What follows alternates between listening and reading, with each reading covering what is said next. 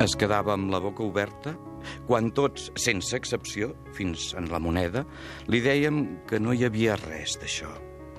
Que el doctor Gallifa no s'havia interessat mai per la política, que s'havia refusat en rodó a fugir de la zona roja, que havia seguit administrant en secret els sagraments a tothom sense excepció. A los rojos también. Están descomulgados.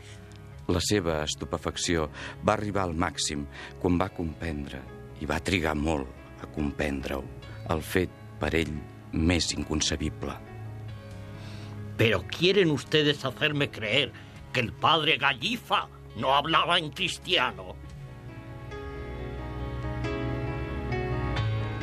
La idea que el doctor Gallifa hagués pogut parlar com un personatge de gente bien resultava tan inesperada que...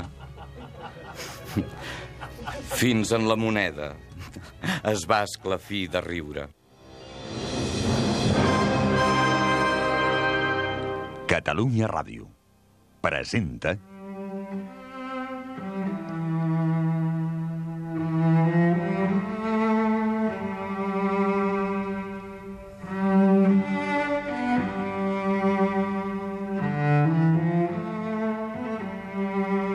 Incerta Glòria, de Joan Sales, en una adaptació lliure per la ràdio d'Oleguer Sarsenedes. Muntatge Ramon Albero. Direcció Juan Germán Schroeder.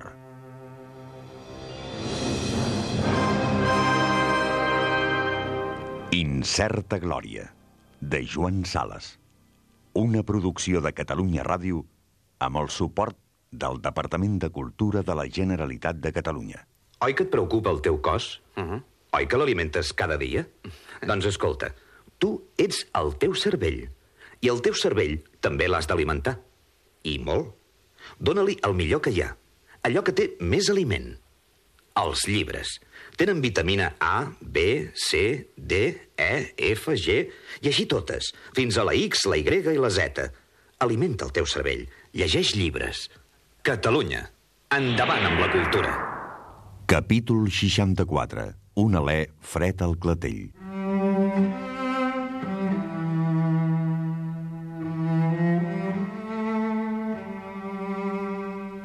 Pel que fa a mi, els anys i els desenganys m'havien anat omplint de malícia. M'havia tornat una bestiola esquerpa que se sent més i més acorralada. La meva versió enfront de certes persones s'havia ulcerat amb el temps, com una taca de la pell que a força de refregar-se s'acaba tornant maligna i ve un dia que és un càncer. Déu meu, quin monstre portava dins. La pitjor postguerra era jo, que la duia amb mi. La tieta Llúcia, ella es pensava, cap a l'any 50, que s'havia empobrit voluntàriament, evangèlicament. L'estimada de la passeta, tenint en compte que lloguers i arrendaments havien estat congelats, havia reduït el poder adquisitiu de les seves rendes, nominalment les mateixes, a una desena part, o potser menys. Ella no admetia aquesta evidència i es creia que era a força de caritat que havia arribat a ballar-la tan magra. I jo, aleshores, ja no anava mai a veure-la. Era ella que s'arribava alguna vegada fins a aquell poblet de muntanya on m'havia instal·lat com a vicari rural. Venia amb el seu gran cotxe negre, del sempre, i amb el seu vell xofer d'uniforme també el mateix de sempre, ja que les coses d'aquest món, essent totes molt relatives, la pobresa evangèlica en què es pensava viure no li impedia pas de conservar el cotxe i el xofer. Ara ja no s'ocupava de la falta de vocacions. Donava per fet que el problema havia deixat d'existir al mateix temps que la república. Ara s'havia consagrat a una altra obra edificant, les missions internes. Se n'anava a voltar en companyia d'altres senyores d'edat, totes solteres com ella, pels barracars que havien proliferat al voltant de Barcelona i anava a ensenyar doctrina, si bé el fort d'aquestes solterones era inculcar a les dones de les barraques com s'ha de comportar una casada en societat. És a causa de la tieta que vaig avorrir el suburbi. Jo em veia en ella com en un mirall. El meu desfici per l'acció no era sinó un reflex del seu un tic de família.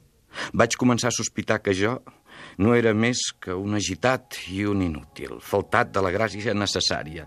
Veia la meva poca gràcia en la de la tieta i en la ineficàcia de tots dos perquè les obres sense la fe són tan mortes com la fe sense les obres.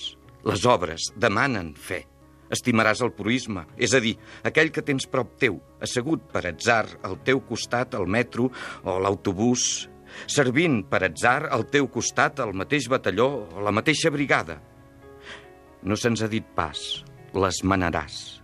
El pastaràs tal com tu creguis que ha de ser pastat, sinó l'estimaràs l'estimaràs tal com és.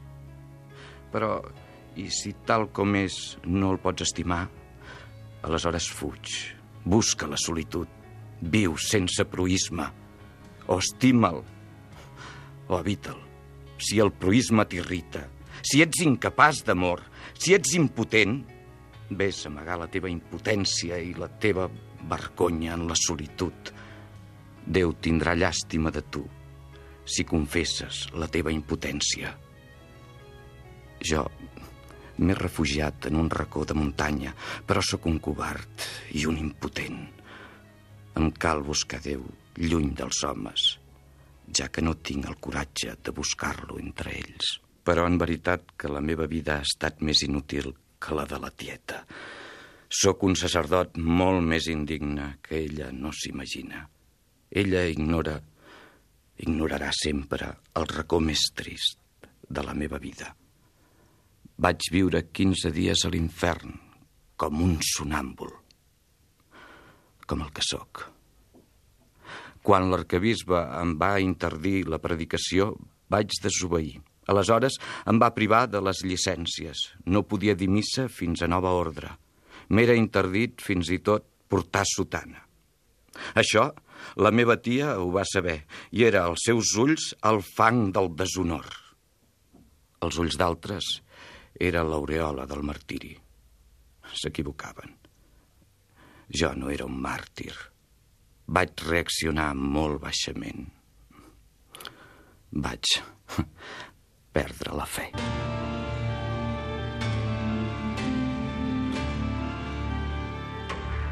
Vaig perdre la fe. Un matí em vaig despertar sense. Em desperto i vet aquí que ja no la tenia. Aquella fe que no m'havia faltat mai, que no m'havia posat mai cap problema, cap dubte. Quins dels meus somnis me l'havia fet perdre? Em vaig despertar sense fe, com m'hauria pogut despertar sense cartera per obra d'un lladre de nit.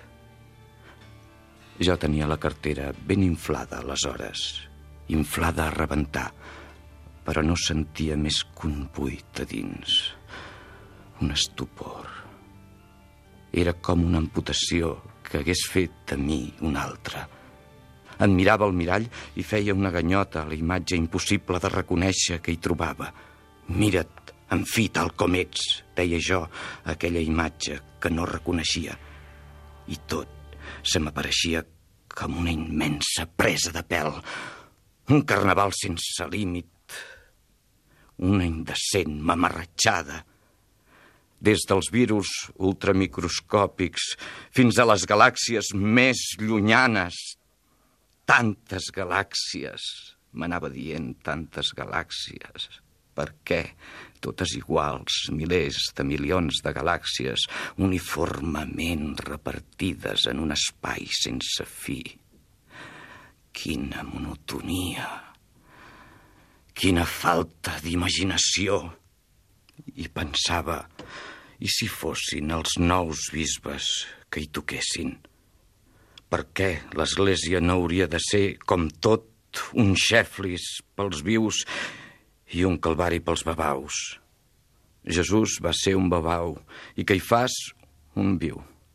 Vet aquí tot. Aquí tens tota la història sagrada. La meva sotana estava caiguda als peus del llit. La nit d'aquell dia vaig emprendre aquell peregrinatge somnàmbolic. No sabia gaire on volia anar ni què volia.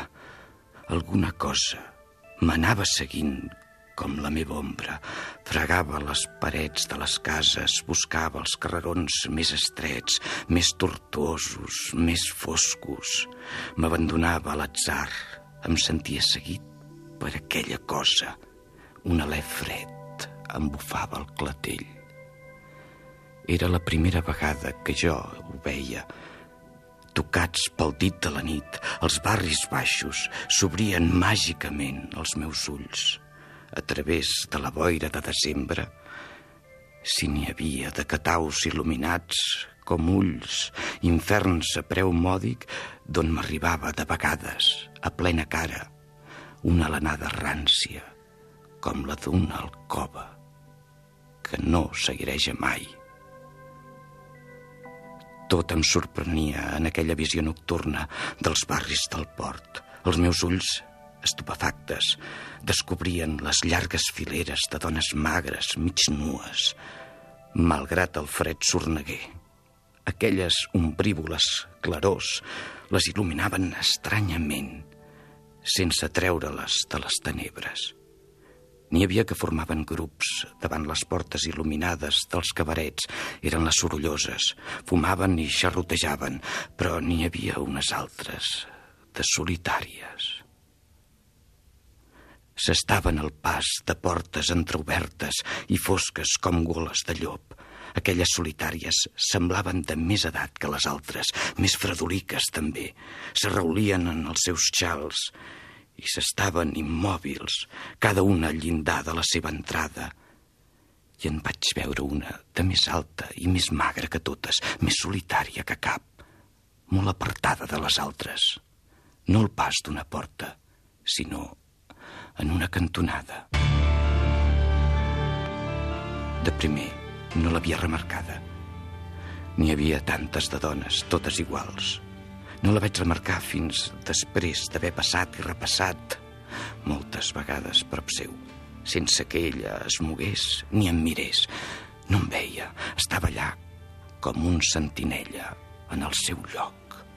Els seus ulls, fits en la fosca, no miraven res, no parpellejaven. Eren clars i estranyament vells. S'estava a la cantonada, en angle agut de dos carrerons, de cara al vent humit que bufava del port a ràfegues i la roba prima i atrotinada se li enganxava al cos i semblava moments una d'aquelles escultures de fusta que en altre temps es veien a la proa de les fregates. i jo sentia un gran desig de caure en un abisme sense fi, com succeeix de vegades en somnis. I sempre aquell alè fred al clatell i una veu interior que m'anava tirànicament de dur a terme allò perquè havia fugit de casa. Calia dur-ho a terme. I ho vaig fer, sempre amb aquell alè fred el clatell. De debò és la primera vegada?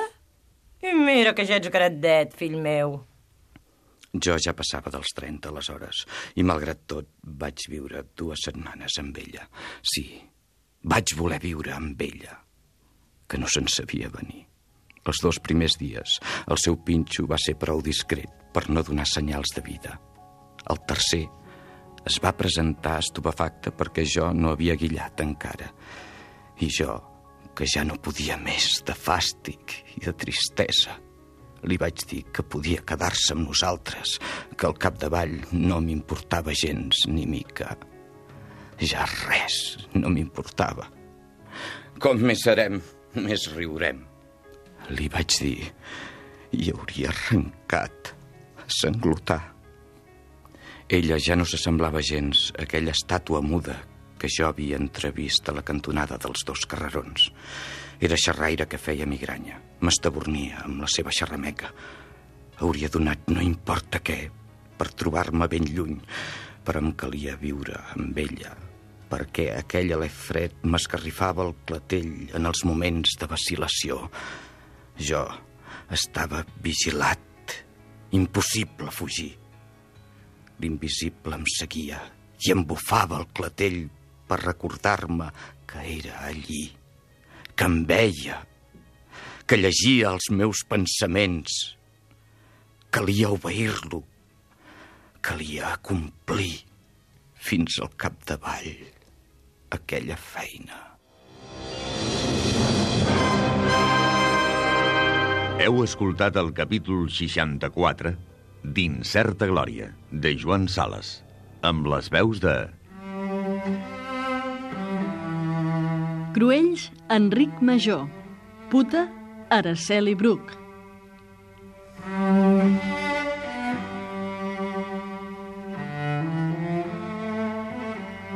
Incerta Glòria, de Joan Sales. Una producció de Catalunya Ràdio. Amb el suport del Departament de Cultura de la Generalitat de Catalunya.